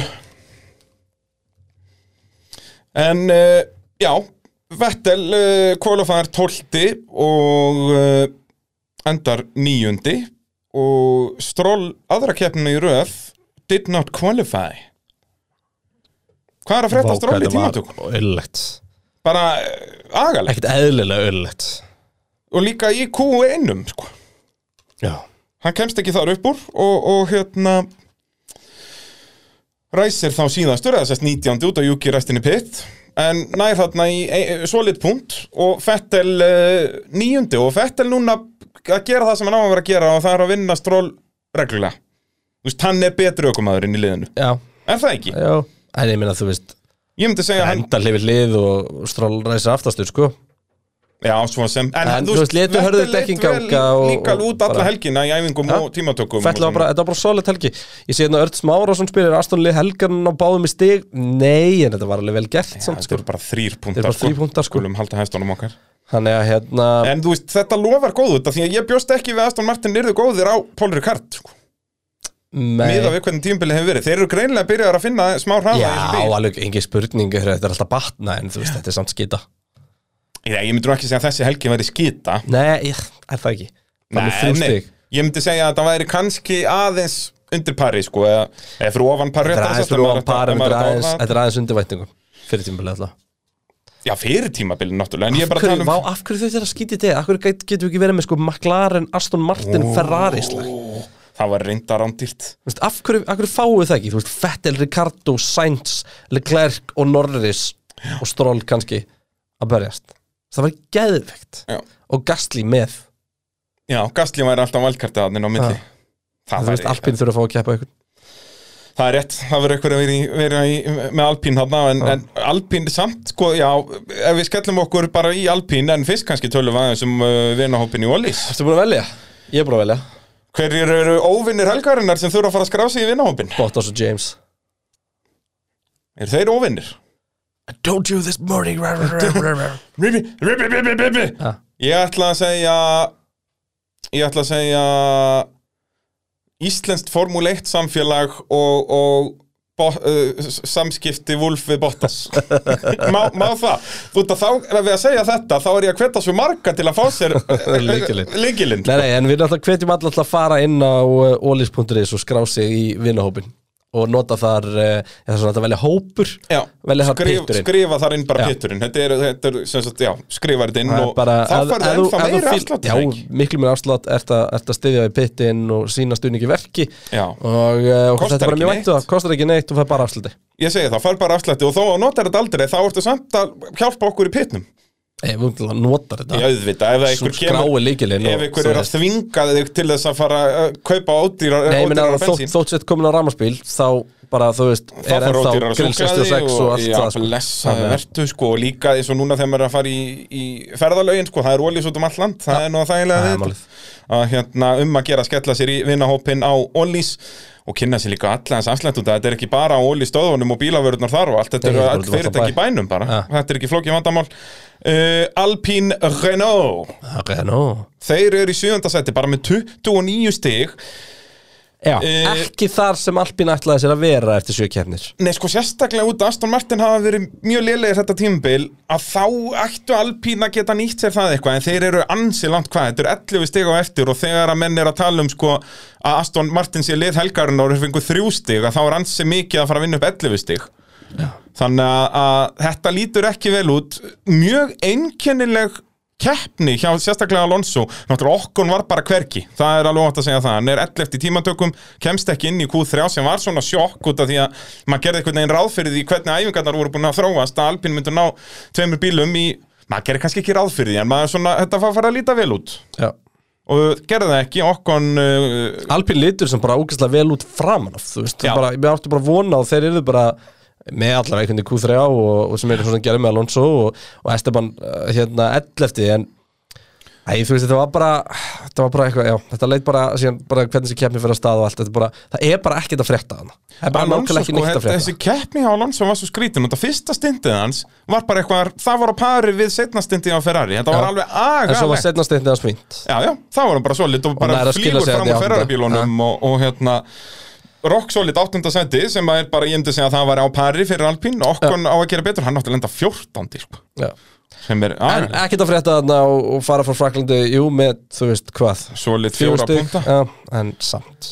Já, græða eitt stig á, á Aston Martin Það er náttúrulega, þú veist, ég held að það sé eina targeti þeirra núna, það er að vinna Aston Martin Já. eða þú veist, komast í þann slag allavega Alfa Romeo, Já, ég elska punktin þinn sem þú skrifaðir í skjæluð okkar hérna voru Alfa Romeo með, en mannstu eftir Alfa Romeo og keppni? ekki keppni, nei, Nei, Það, mér fannst Ég man að- Giovanazzi impressið í tímatökum já, var það samt, jú, 13. Já, jú, alltaf, og 13. á Alfa Romeo alltaf, Og það er strössili 14. William, sko. Alltaf Já, Russell er líka herralefanda Já. En, já, þú veist, Það er- Eh, flott, engin stig Alfa Romeo gerðist ekkert, Nei. sáum það alla, bara áfram Rækkonen gakk. 17. og, og Giovanazzi 15. Russell bara, þetta klassiska 14. sett í tímatökum hann bara kemst alltaf Já, upp út breyti því svo í 12. sæti í keppninni bara geggjum keppni, ég fór að pæla í þessu bara eftir á þetta maður náttúrulega sér ekkert mikið sko, þeir þeim verðum að líka Íslendingunni. muna sko, að Stroll kemst fram úr húnum á hraðari bíl eftir að vera síðastur sko. þannig að þú veist hann, hann, Hann hérna vinnur fer sig upp um í fram rauninu fyrir þrjú þrjá sæti. einhverja og missir svo einn Já.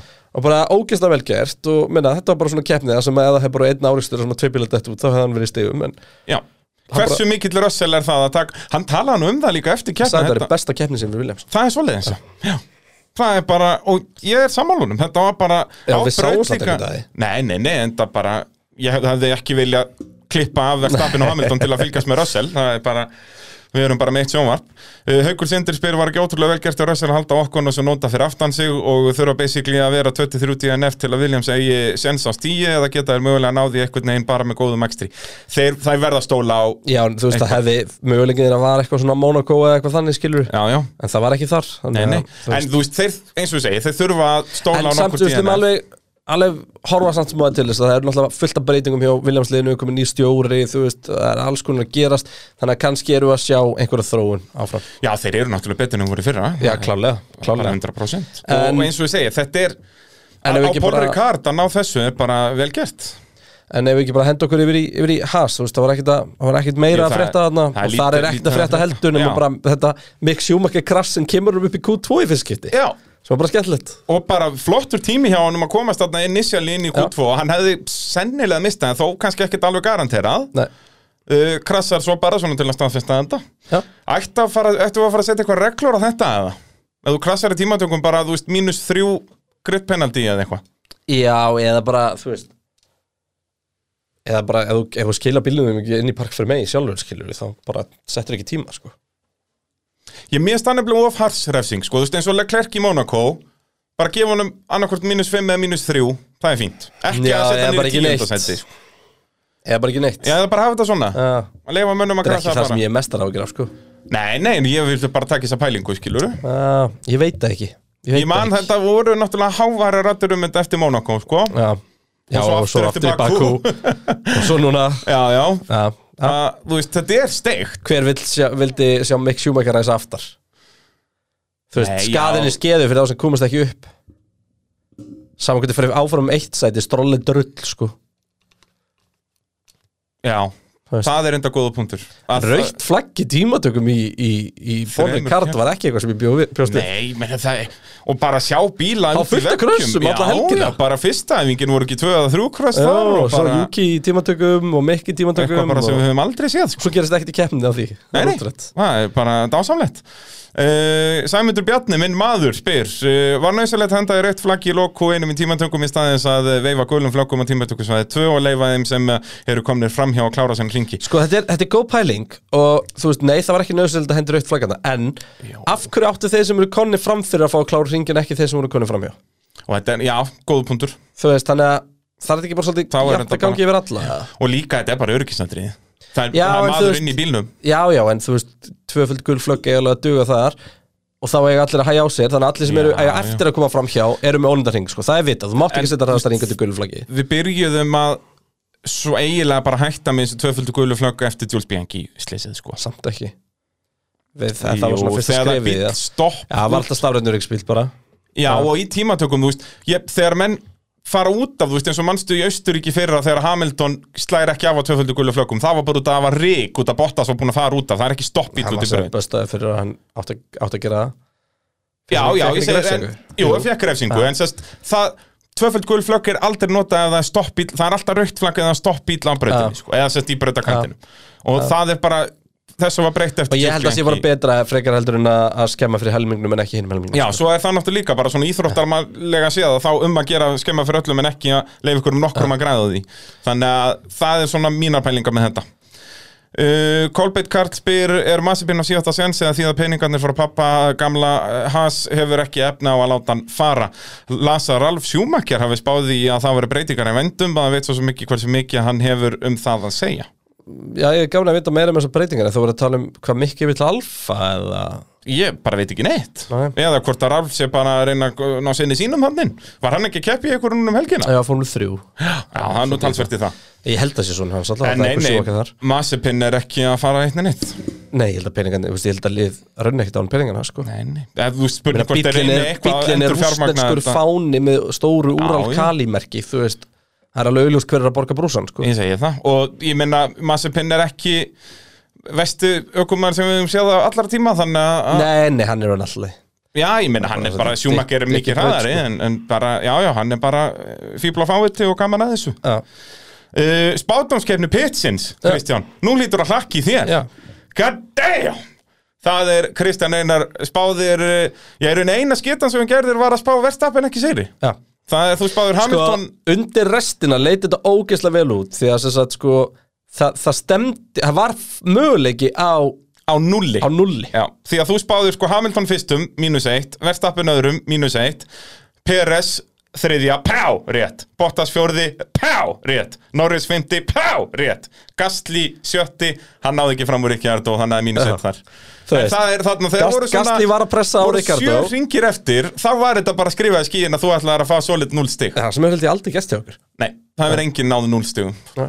að, hérna, En það vantaði þarna En þetta eru þá bara þrjú stig sem er bara eitt besta skór sem við höfum séð Það er Já. óvænt að segja það tek því, tek því Uh, ég var aftur með Hamilton Verstappen öfugt þannig að það er mínus 1 og mínus 1 svo er ég líka með Bottas og Peres öfugt þannig að það er aftur mínus 1 og mínus 1 Norris, auðvitað séð var Norris í 5 og þannig er alltaf í 5 svo hendi ég í helvítið en Leclerc þannig að það eru mínus 10 puntar þar sko, sem er helvítið blóðugt eða svona þegar ég er í þremur Já, þannig ég er í 14 sko á Ja. móti þínum þremur þannig að nú ert þú komið með helviti góða fóristu sko 136 á móti en ég er að 159 gamla í næstu kefni sko Það er svoleiðis, herði já, ég, nú er ég orðið maðurinn sem gleymið höstu öllu Ok, ef þú ætlar að gamla, segðu þú þá fyrst hvað þú ætlar að gera Það er Verstappen 1 Ok, Það er Peres 2 Það ok, er Hamilton 3 ok Það er Norris 4 Það er Bottas 5 og Gasly 6 I like that Ég ætla að henda í Ætli ég hendi þá ekki bara í klassíkin aftur og segja hvað það gerir, fyrst að þú Ég hendi í Hamilton Verstappen Úff, Á ég þóra að botta svo undan Peres Varst þú með, Ég er með Peres í öðru seti þú varst með Peres í öðru sendi og Bottas í fymta Já Þá verði ég að hafa þetta, ég ætla- verð að hafa þetta eins öðruvísi og mögulega hættir, ég set Bottas í þriðja Svo hendi ég Bottas Peres er samt góður í Östuríki sko hann er segur sko uh, svo bara, já, ég bara hendi þessu öllu ég ætla aftur að reyna að hafa klerkarna hann á eftir að Hann verður miklu betri í, í já, já. Östuríki hann sko klessir samt á vettel sko, hann er góða vann Alveg rétt, alveg rétt, alveg rétt hann er, uh, en kannski klessir hann þá bara sænt hann með, meðan bara rauðubíla hann hann er hver veit Bara Rauða battan Þannig að ég ætla að hafa, hafa þetta bara alveg eins og ég hef gert uh, síðustu reis, ég spilaði þetta alltaf bara eins Hamilton Verstappen, Bottas, Peres, Norris, Leclerc Hvað þetta er svo leiðilegt bræði Af hverju, af hverju Þú segir þetta? gerði eitthvað ég, sko, ég var alveg búin að hugsa út í að ég getum bara verið með sömu spá aftur Svo bara, nei, þú veist, ég ætla bara að hrista þessu upp í þessu Já, var það er, gaman að þess- þessu. þess vegna er ég að gera mis, með, sest, Mí, mí, mí, mí, sama mí, og mí, mí, mí, mí, við getum mí, ekki mí. báðir verið með mismunandi Á Þú veist, ég að henda bara í gasli í Þetta er ennþá að fáið bara pulsu með tómat og steiktum og þú þorir ekki að prófa nýju svo svona Já, 100%. þú er átt að því, ég bara, þegar ég fyrir út úr húsin á mótnan er ég með tvo smokka mér bara til öryggis Maður veit aldrei hvað er að fara að gerast sko. Ha, Nei, það er bara, ég verði það, við virði bara það.